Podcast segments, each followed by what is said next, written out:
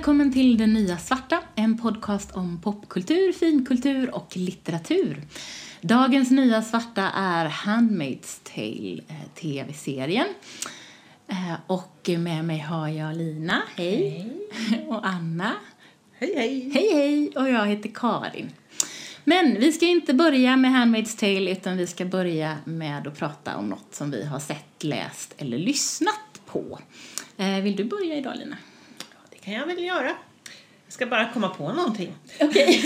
Nej, men eh, ja, de här senaste dagarna kan jag väl säga så har jag em, kommit hem och eh, min sambo har inte varit hemma för han har varit på, ute på annat. Då har jag hamnat framför gamla avsnitt av Grey's Anatomy. Ah. Och då blev jag påmind om att det faktiskt är väldigt trevligt med den typen av serier som är liksom så här Alltså jag kan uppskatta en bra sjukhusserie. ja, verkligen. Så här, jag kan verkligen uppskatta det. Så att det, det har jag blivit påmind om. Det är härligt. Ja. Ja, var, var är det liksom i början? Nej, Det är så mitten. i mitt, mitten. Mitten, när det var som bäst kanske. Kanske. Jag vet inte riktigt. Den då gick, har ju gått i så himla många år. Den fortsätter ju, den går ju Ja, fortfarande. den går fortfarande. Jaha, eh, ja, precis. Jaha säger Anna.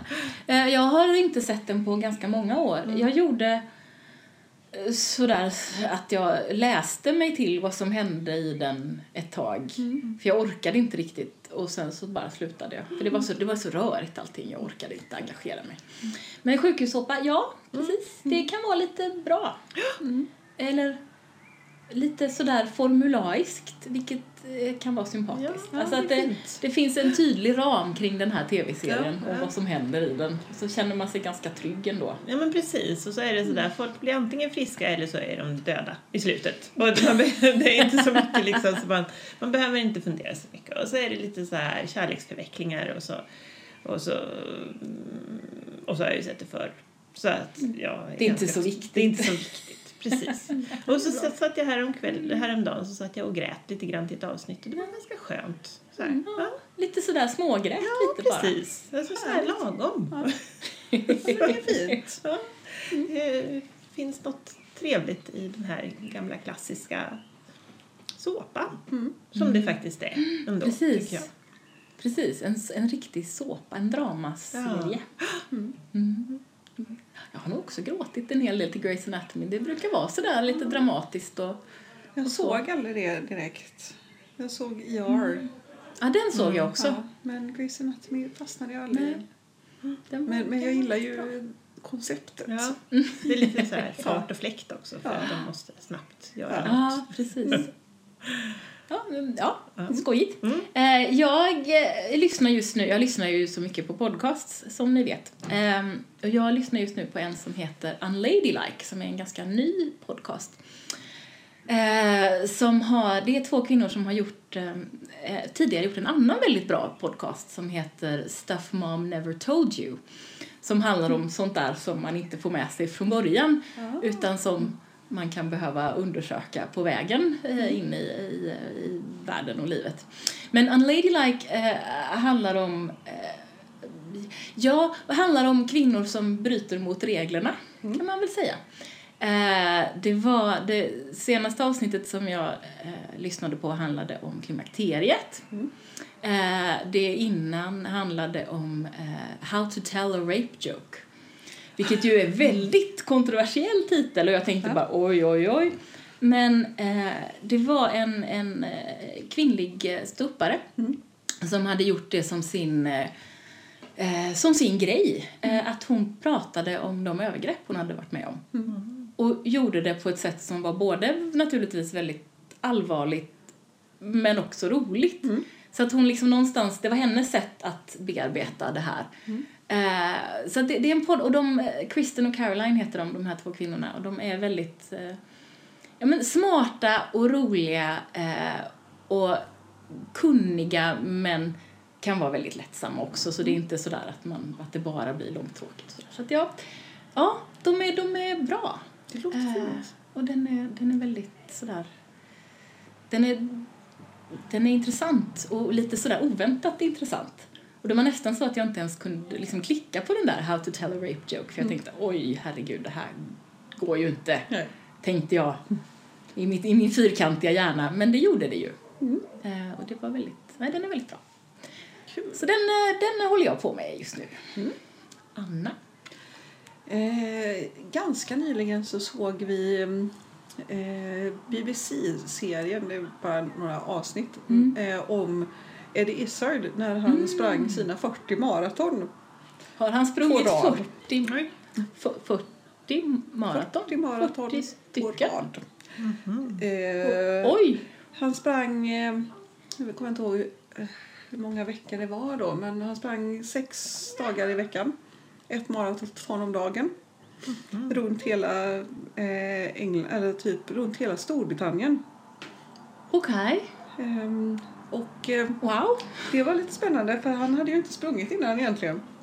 Så det börjar med att ja, första gången när han går till doktorn typ och bara hej, ehm, jag ska springa runt Storbritannien. Jag ska springa 40 maraton. Mm. Och läkaren säger jaha, okej, hur mycket har du sprungit? Ja, jag började för eh, eh, eh, två veckor sedan. Jaha. Och när, vill, när ska du göra det här? Om fem veckor hade jag tänkt börja. Ja. Jaha. Det, jaha, säger läkaren. Det, det låter ambitiöst. Nej, men sen så gjorde han det. Eh, Så, ja, Wow. sex, sex dagar i rad och så liggade det en och sen gjorde han det runt från London upp eh, ner i Wales, upp längs kusten, färjan över till Irland. Eh, sen till Skottland och så sprang han längs eh, Hadrianus mur Mm. och sen ner. Och han är ju helt galen. Ja, ja, jo. Men eh, ehm, det var väldigt spännande. Ja, det- Jag är helt chockad, jag vet inte vad jag ska säga. Filmar Att de han har honom medan gjort han det här. springer då? Ja, eller? jajamän.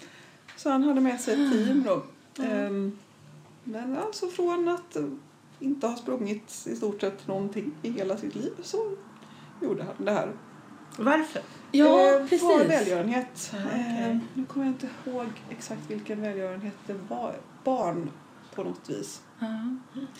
Men, men liksom, det måste ju funnits ett annat varför också. Det måste ju funnits någonting i honom som gjorde att han ville Ja, göra något. jag tror Det att framgick kanske Det känns lite som att det var något han fick för sig. Ehm, och Okej. så kom han, tyckte han att det var en jättebra idé. Mm. Och så sa alla andra att det, det, det är ju helt galet. Nu är du ju Ja. jättekonstig. Och han bara, nej nej, det verkar kul, vi gör det. Hmm. Mm. Vi kan väl säga som så här att han hade nog ett tag där han inte tyckte att det var en riktigt lika god idé som han hade känt från början. Nej, för jag tänker också att springa, nu är jag ju verkligen ingen, jag klarar inte av att springa. Jag kan tycka att det låter så häftigt när det beskrivs hur folk springer och tänker att jag ska ge mig iväg och sen så springer jag tre steg och sen har jag bara ont överallt och vill stanna. Ehm, men jag tänker att han måste ha kommit lite längre än så innan han började. Eller så var han inte så från början. jättemycket längre Men än så. maraton är skitlångt. Ja. Det är jätte, Och de första jätte- dagarna sprang Ja. han dessutom längre än ett maraton. Han hade bestämt sig från början för att han skulle springa 30 miles om dagen. Vilket då är längre än ett maraton. Mm. Ehm, det gjorde han i tre dagar tror jag. Sen så Ja. kom han fram till att det var en dålig idé. Ehm, Okej. Plus att han hade ju med sig em, en sportterapeut och lite annat folk som typ sa åt honom det här går inte, du kommer nog att dö. Eller så Ah. kommer, du, så kommer vi att vara tvungna att, att amputera dina tår för nu håller du på att tappa, tappa dem. Mm. Okej. Ja, lite så. K- Knas. Men Knas, han helt är ju rätt enveten. Ja, jo, helt enkelt. Man måste nog vara det för en sån Ja. där sak. Enveten Ja. och rätt galen. Och sen är det ju det att sätter man en filmkamera efter sig då är det ju svårt att ge upp alltså. Ja. Så Ja, det så ju. var det väl också det att i varje stad han sprang igenom så, eh, så samlades det ju in pengar. Mm. Ja, just det. Så han hade den... eh, Ja. ja. Eh, Spännande. Ja, Vad sa du att det fanns någonstans här? hittade den på Youtube faktiskt. Eh, så det kan vara värt att se. Jag tror både Lina och jag är Ja. sådär helt chockade Och så är ansikten det- och förstår ingenting. Och vad heter han? Tennant. David Tennant. Som är berättare. Åh! Mm. på sin breda skånska. Den bästa doktorn. Ja. Så det är jättefint. Åh, wow. Okej, kanske måste titta på detta. Det kan vara så. Jag vet inte. Jag såg en gång en dokumentär om en kvinna som bestämde sig för att hon inte skulle tvätta sig på en månad. Hon skulle inte borsta tänderna heller. Utan hon skulle bara se hur smutsig hon kunde bli. Eh, Jag tror att jag hellre skulle göra det än att springa maraton. Ja, men alltså, jag, jag, jag vill inte heller springa maraton med Storbritannien. Men man kan ju titta på honom när är han gör det. Ja, han är ju- han är ju rolig. Han är ju rolig och han, han är, är ju, väldigt han är ju smart också. Ja, liksom, precis. Han är begåvad. Så att det var ett spännande vis att se honom på. på. Ja. Det är ju helt nytt. Ja, Ja. ja okej. Eh, vi ska prata om vi ska prata om Handmaid's Tale eller eh, En tjänarinnas berättelse som den ju heter på svenska. Fast jag tror inte serien heter det på svenska utan Nej. jag tror att serien heter The Handmaid's Tale på svenska också. Fast boken heter En tjänarinnas berättelse. Eh, baserar ju sig på en bok av Margaret Atwood, en kanadensisk författare som hon skrev 1985. Eh, det kom tydligen en film 1990. Är det någon som har sett den? Jag tror att jag Nej. kan ha sett den. Ehm, För jag har inte sett den. mm. Eh, det var Natasha Richardson tydligen, eh, skriven av Harold Pinter. Också en pjäs, alltså Mm. Ja, men teaterpjäsförfattare. Um, och den, den vi hade tydligen ett jättedåligt mottagande. Eh, Jag tror jag har sett så. den och jag har mig att den är rätt jävla dålig. Ja, kan vara så. Det är också en opera. Okej. 2000 kom det en opera. Och sen naturligtvis förra året så kom det en tv-serie och det är ju den vi framför allt ska prata om idag. Eh, med Elizabeth Moss och eh, Bruce Miller är showrunner på den och han har tydligen gjort Medium och IR till exempel. Så det, det är ni. Det visste inte jag i alla fall. Nej, eller? Eh, och hela historien, grundhistorien handlar ju om att den utspelar sig i en, en dystopisk nära framtid där kristna extremister har tagit makten. Och fertila kvinnor är en bristvara. Eh, och de som är förtvi, fertila, förtvivlade, ja det är de också för den delen, de tvingas vara eh, handmaidens, alltså någon slags eh, tjänarinnor åt de styrande männen och deras fruar. Och då blir de ceremoniellt våldtagna varje månad för att de ska förse familjen med barn. Det är ju det som är någon slags grundhistoria. Ja. Eh, och det är också Men det är väl- väldigt... Ja, Det är väl faktiskt inte alla fertila kvinnor. Utan Nej. de fertila kvinnor som inte hade ett lagligt äktenskap. Och ett lagligt äktenskap definierades som ett första äktenskap utan otrohet Precis. från kvinn... Nej, från, Från båda. någons Ja. sida. Så var det. Och ett lagligt äktenskap mellan, mellan eh, man och kvinna ska vi då säga Ja. för att eh, andra typer av partnerskap godkändes ju då inte. Eh, ja, vi kommer idag att prata om säsong ett framför allt och kanske lite om boken i förbifarten. Eh, re- reflektioner kring det. Eh, vi kommer eh, att spoila säsong ett, men vi kommer inte spoila säsong två. Eh, Anna har sett säsong ett och läst boken. Eh, jag har sett säsong ett och eh, större delen av säsong två och läst boken och Lina har Jag har också sett större delen av säsong ett, eller säsong ett, hela säsong ett, större delen av säsong två och eh, läst boken men det var ett bra tag sedan. Ja, så jag det. minns inte mycket av boken. Nej.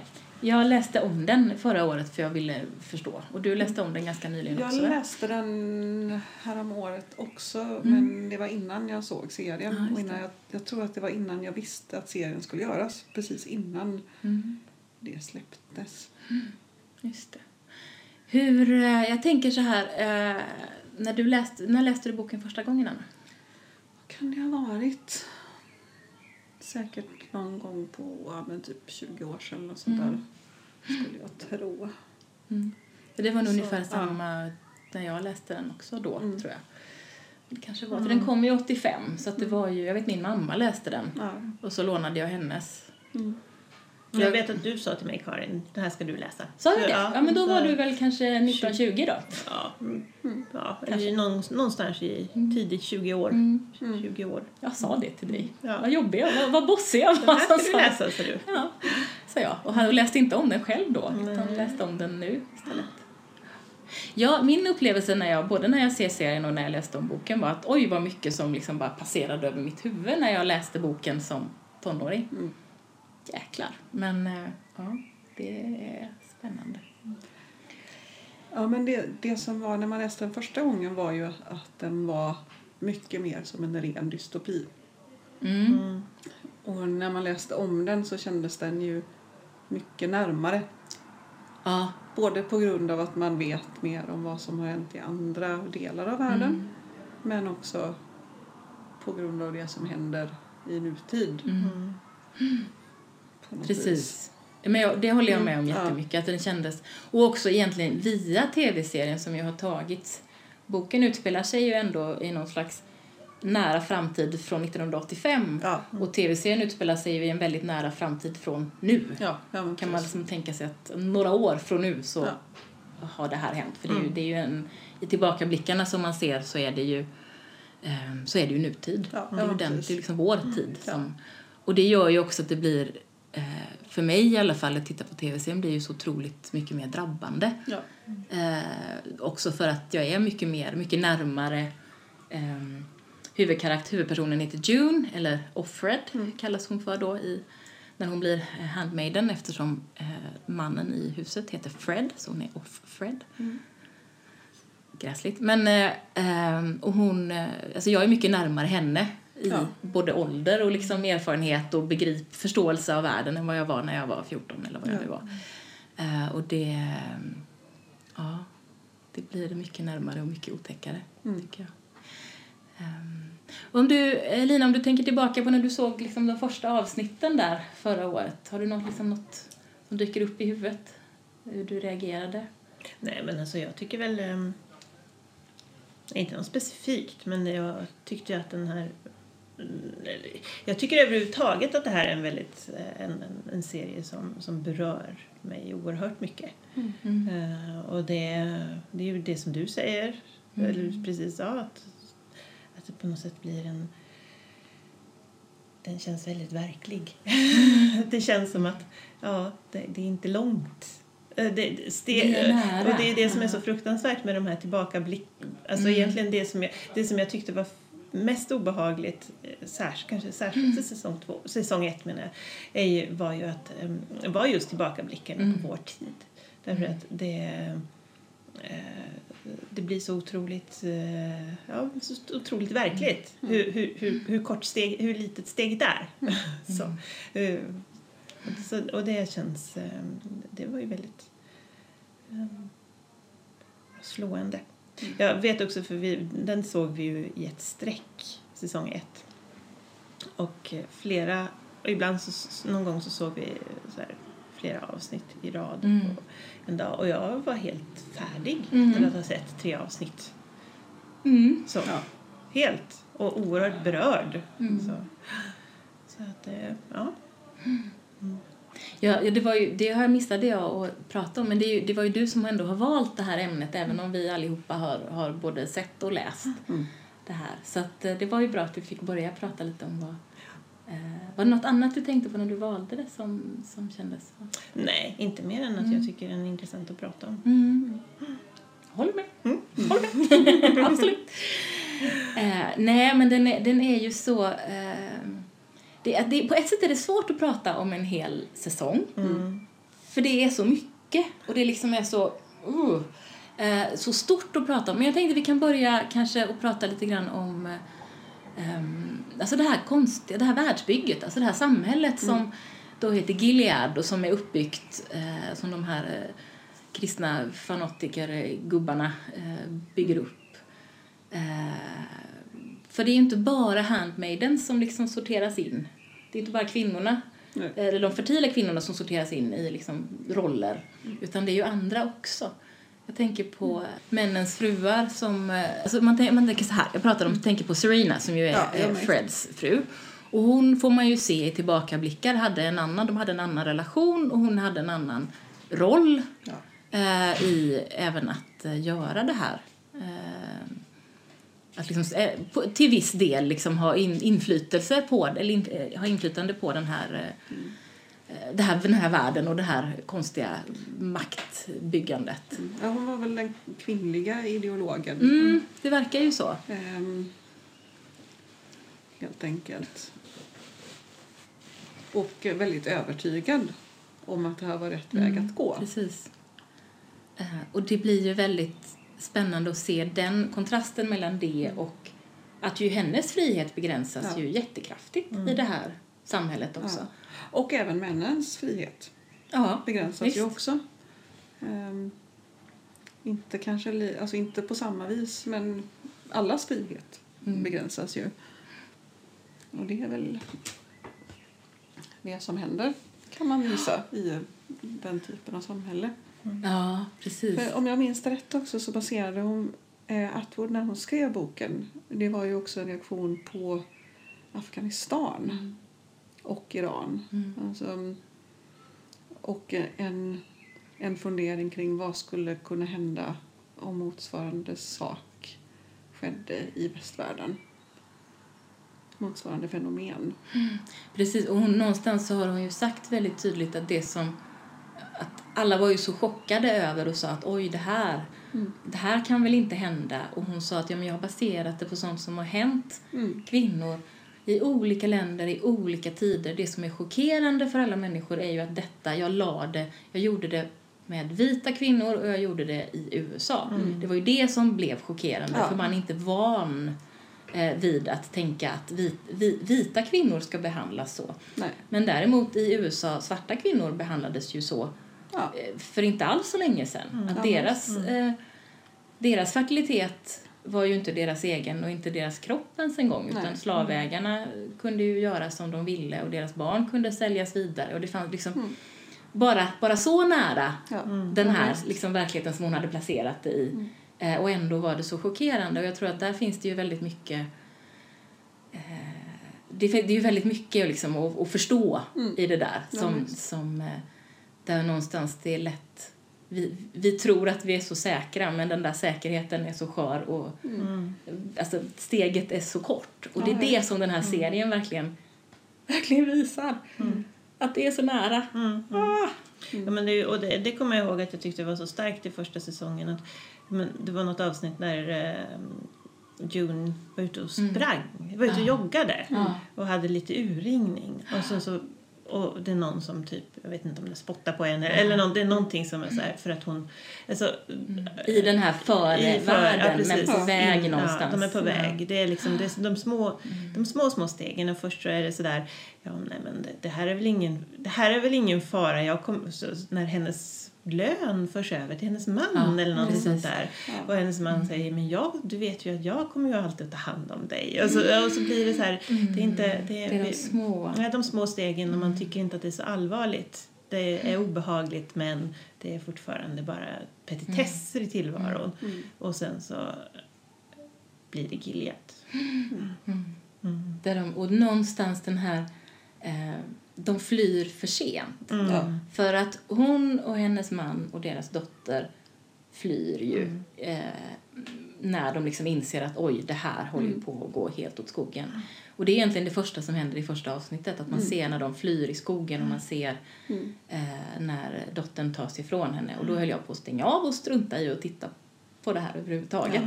Men eftersom jag hade läst boken så visste jag ju eh, att det var väldigt, en väldigt intressant historia som skulle berättas. Jag liksom fick tvinga mig igenom det där för jag höll på att gå sönder.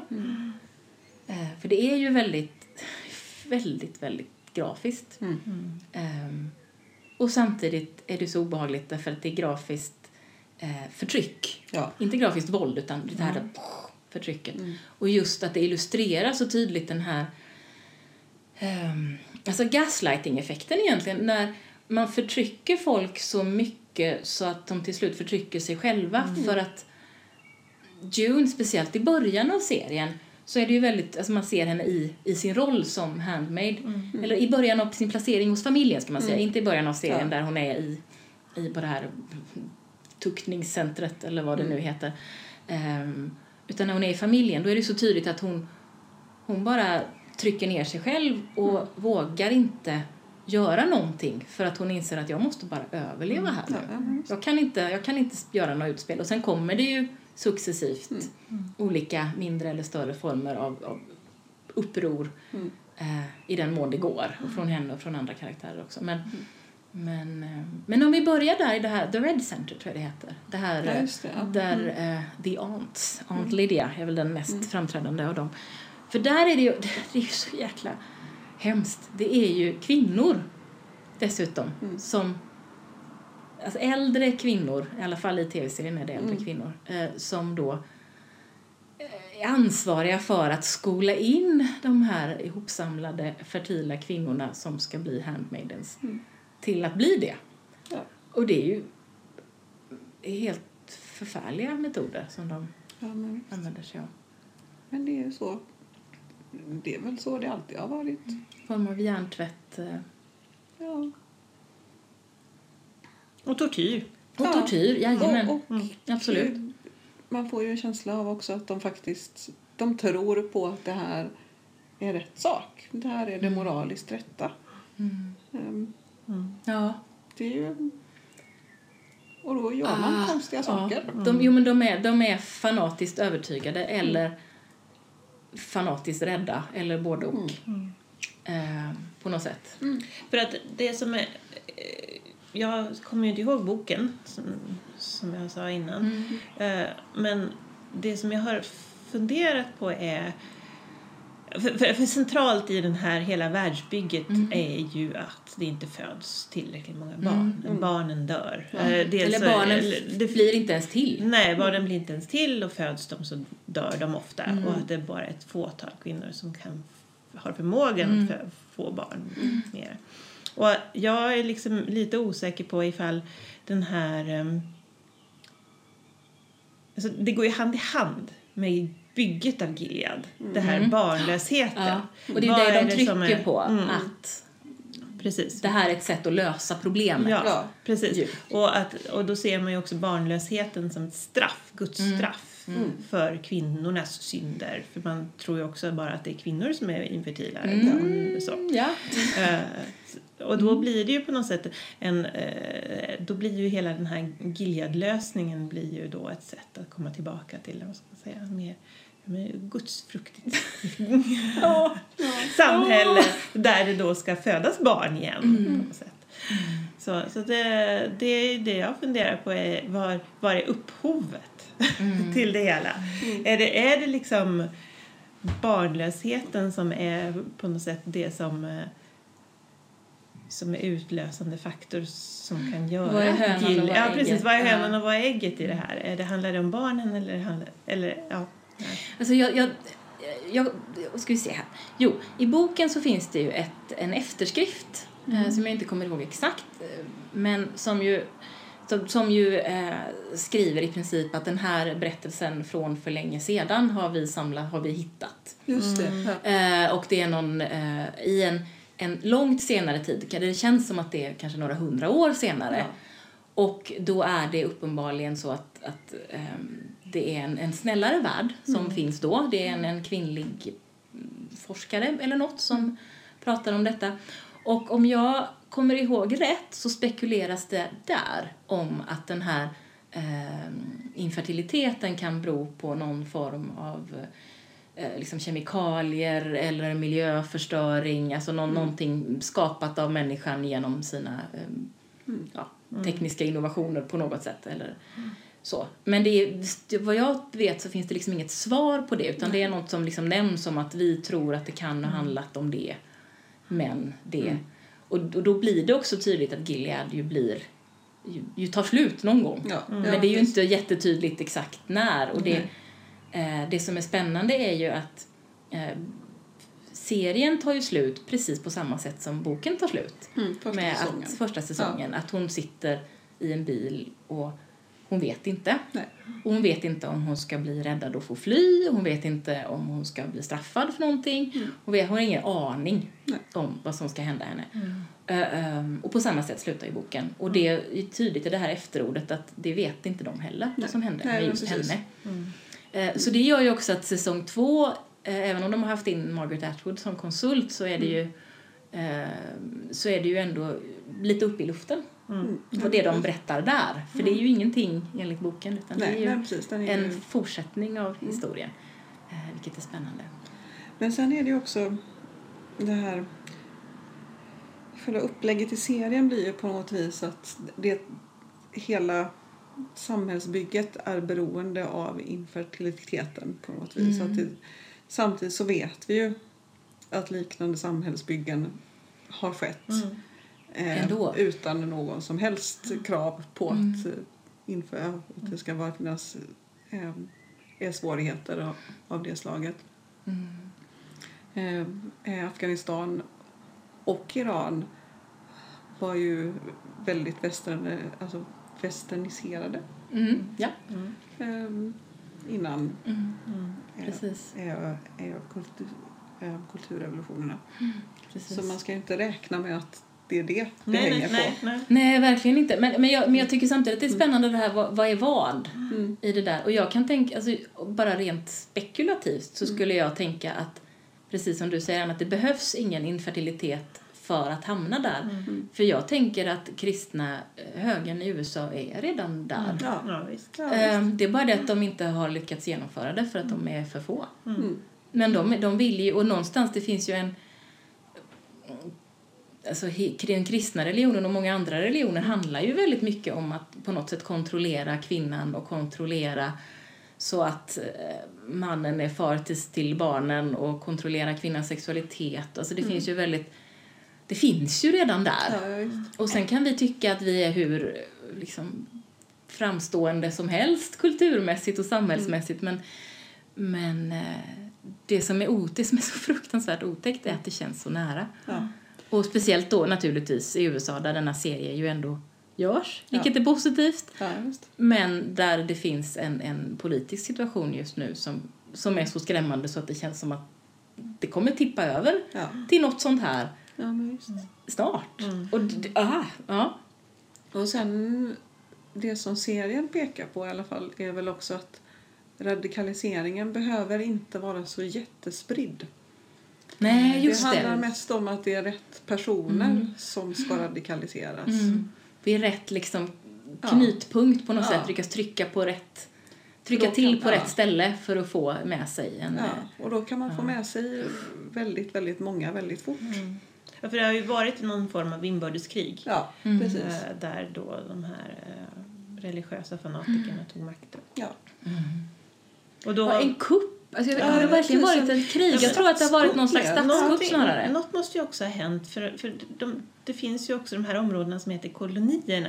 Mm. Dit man skickar kvinnorna som, inte, Ja. som vägrar att lyda. Och det, där är allting radioaktivt. Ja, allting är radioaktivt. Så det måste ju ha varit någon form av eh, krig som gör, Ja. som har, eller någonting som har ju gått fel på det viset i alla fall. Fast Men i sen- serien känns det som att det beskrivs, alltså jag kanske är ute och cyklar, men i serien känns det som att det beskrivs mer som en statskupp. Att det är någon som spränger Mm. Vita huset eller. Mm. eller eh, vad heter det, senaten eller vad Ja. det nu är för någonting. Och sen så kommer det liksom, så ploppar de här upp och gör en statskupp i, Ja. det, i det läget. Ja, men Men sen, du har ju helt rätt i det att det, har ju, det är ju någon slags efter katastrofen Mm. också Mm. i de kolonierna. Eller så är de, ja. Jag är, har för mig att jag har läst en annan Atwood-bok Mm. som på något vis utspelar sig på andra sidan muren. Eller så har jag drömt det här. Men alltså, som Okej. utspelar sig utanför Gilead. Mhm. Vad spännande. Ja, och den ville man ju man, läsa. jag undrar om det är Madadda-trilogin som nämner Gilead. Jag ska inte svära på det, men Nej. Mm. att som de där som Mm. är De besynnerliga. där galningarna. Eller så har jag drömt det. Jag ska inte svära på det. Men eh, det var ganska intressant för där, där hamnar de också då som, som, eh, ja, men som de, de där fanatiska galningarna. Men det är också dit som folk, när folk skickas ut så är det där de kan bli räddade. Mm. På något vis att då finns det folk som så här do di do di do nu hämtar vi de här personerna som de har förvisat. Men det är ju det som, som Kanada blir i Ja. serien i alla fall. Och som, För det är ju den här historien som handlar om hennes man som kommer dit och Ja. även hennes, hennes vän eh, som lyckas ta sig dit. Det, är ju en, det finns ju inte med i boken. Nej, nej precis. Eh, vännen finns med och mannen finns med, Mm. men inte, eh, inte i Kanada. Man får Nej. ingenting från deras perspektiv. Och det, det har ju serien lagt till och det blir ju en väldigt, eh, det blir ju det här andra Ja. perspektivet där utanför som gör att man förstår att okej, det är inte så här i hela världen. Det här är inte, det här är liksom en isolerad stat. Och jag är inte heller helt säker på att det är hela USA riktigt. Nej, Eller det är liksom lite oklart där. Om det är det ju delar det, utan av det- USA på något vis. Ja. Eh, Centrala delar eller östkustdelar. Mm. Jag har för, den här delegationen som kommer från Sydamerika. Mexiko. Ja, Just Mex- det. har jag för mig inte med i boken Jag heller. tror inte heller det. Ehm, Utan där är det väldigt mycket mer fokuserat Mm, internt. på, och, på, och på bara eh, Junes Ja, berättelse och upplevelser inifrån. precis. Eh, nej, jag tror inte heller det. Och där är det ju spännande därför att där i serien är det ju så att även Mexiko har ett fertilitetsproblem. Ja. Och min upplevelse, som kanske inte stämmer, från boken var att där var det bara i Gilead som Ja. var problemet. Mm, det kan, jag precis. kommer kanske ihåg fel här. Men, men så att, och där tänker man till seriens värld så är det ju då ett mer utbrett problem. För att till slut, någonstans den här kvinnliga ambassadören från Mexiko som vis, och de visar upp den här eh, någon slags idealsamhälle, eh, hur hon nu går med på det. Eh, men hon, det verkar ju som att hon tror att June har gått med på det här frivilligt, vilket ju är helt knäppt. Men sen, men vänta Ja, lite, jo, ja. men sen när hon får reda på att det inte är så, just det. så, så, ehm, så struntar hon ju i det för att Gilead har lovat att hjälpa dem att få barn. Ja. Mm. Och, det, och där blir det ju eh, då blir det ju mer ett globalt, då tänker man okej, är det i serien så att det är ett globalt problem, den här fertilitetskrisen? Är det så att mänskligheten håller på att gå under? Mm. Ja, visst. Eh, för det, ja, det är intressant tycker jag. Mm. Nej, men det är ju... Det är ju också ett återkommande tema i dystopier. Det här Ja. med samhällen, att vi inte kan få barn längre. Ja. Med Children of Men och Ja, Ja. precis. Babylon AD, en fantastisk film med Vin Diesel. Men den är återkommande, Sherry Tepper har ju skrivit flera olika böcker som handlar om det också, att, Mm. att det finns inga det finns inga barn kvar, vad gör vi nu? Ja. En grej då också som i, i serien som jag saknar lite är Mm. ju är, är ju de här liksom ekonomifruarna. De som är allt. Just det, Som har, Economy randiga, ja, som har randiga kläder. Berätta Mm. för mig som har De glömt. har då de, de, de uppfyller ju alla roller Mm. eh, för de lägre stående männen som inte kan få en... en alltså, inte kan ha inte på en få- handmaiden och en Martha som ju är en Precis, tjänare. Martha, eh, och, en, grön fru. En, en ja, sån här blågrön fru. Ja. Eh, Ja. eh, utan då har man en fru till allt. Okej, men det är, en, det är en riktig fru? Liksom. Ja, det är en Ja, riktig fru, en men hon uppfyller alla de Ja, där. Ja. Eh, och, eh, Och kanske kan det vara kan fertil men att, inte... eh, Men Det kan hända att det dyker upp det eventuellt kanske i någon annan säsong. Så kanske det. Kan hända. Ja. Mm. kan hända att det gör. Ja. Nej, men det är ändå Mm. det är en ganska rolig... Eller intressant. Rolig är väl inte Ja, men, jo, men det är ett intressant Ett- koncept. Ja. Och just som, som förklarar det här... Alltså de, de lagliga äktenskapen som, Mm, som ändå precis. fanns. Eh, för att Junes äktenskap är inte lagligt därför att han hade varit gift tidigare Precis. och de träffades när han fortfarande var gift. Ja. Och sen så skilde han sig och sen gifte de om sig och därför så ogiltigt förklaras deras äktenskap och då får de heller inte behålla sitt barn. Nej. Ja, i detta otroligt Precis. sjuka samhälle. Ehm, men, men det är ju också, eh, för annars hade de kunnat stanna som, hon hade kunnat vara en sån economy wife och så hade de kunnat vara en annan, fungera Mm. på något annat sätt. Men jag tänkte vi kan prata lite om kläderna faktiskt, för det är Ja. ju väldigt både i boken och i serien, Mm. lite, på lite olika sätt, men det är ju väldigt fascinerande sätt att sortera. Mm. Att sortera, sortera och liksom märka upp. Mm. Mm. Det här, det här är de olika funktionerna. Ja.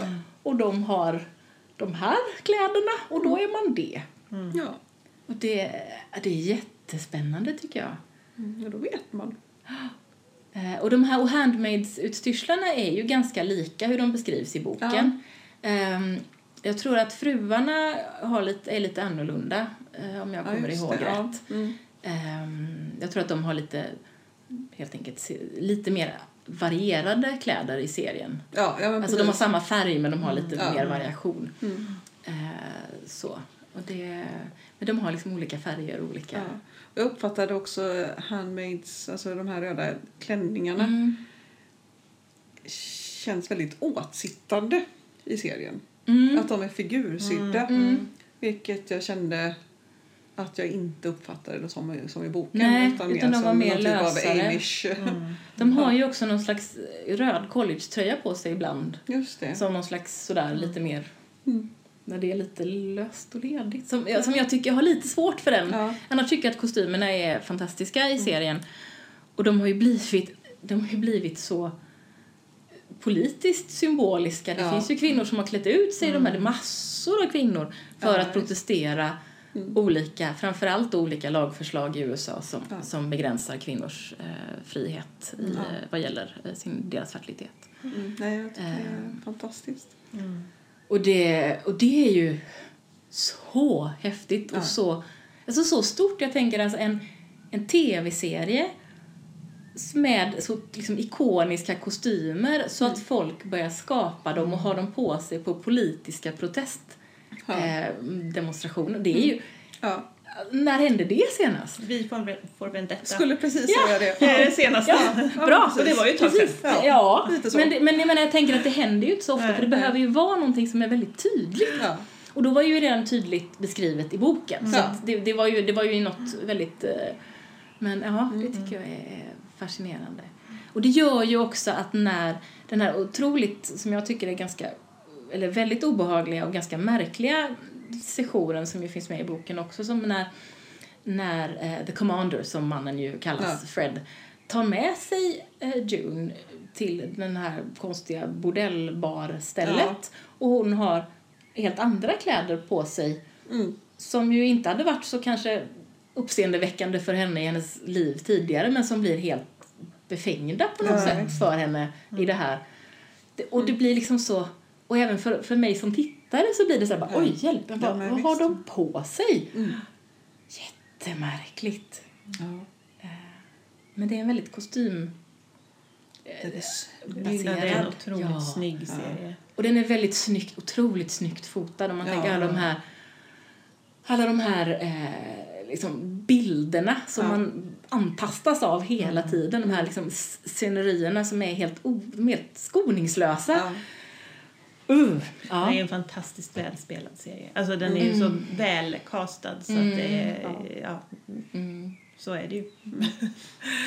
Men, ja, jag tycker att Elisabeth Moss. Ja, Elisabeth Moss är ju fantastisk naturligtvis. Eh, Men jag är också otroligt förtjust i hon som spelar Serena, Serena, Serena, Serena Joy. Ja, Just just det, det. ja. Eh, Hon som är, Yvonne som, Strahovski heter som är så vacker och så fruktansvärd. Och så, alltså, som är så tydligt att hon balanserar på ett sånt tajt liksom, Ja. kontrollrep där hon inte kan... Det finns liksom inga utvägar för Nej. hennes frustration utan hon Mm. måste bara mm, trycka ner den hela tiden och hålla.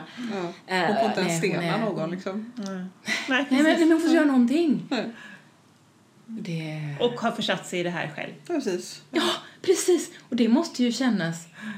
Eller ja, det går ju inte att förstå hur det känns. Nej. Men, men det måste ju vara helt knäppt. Mm.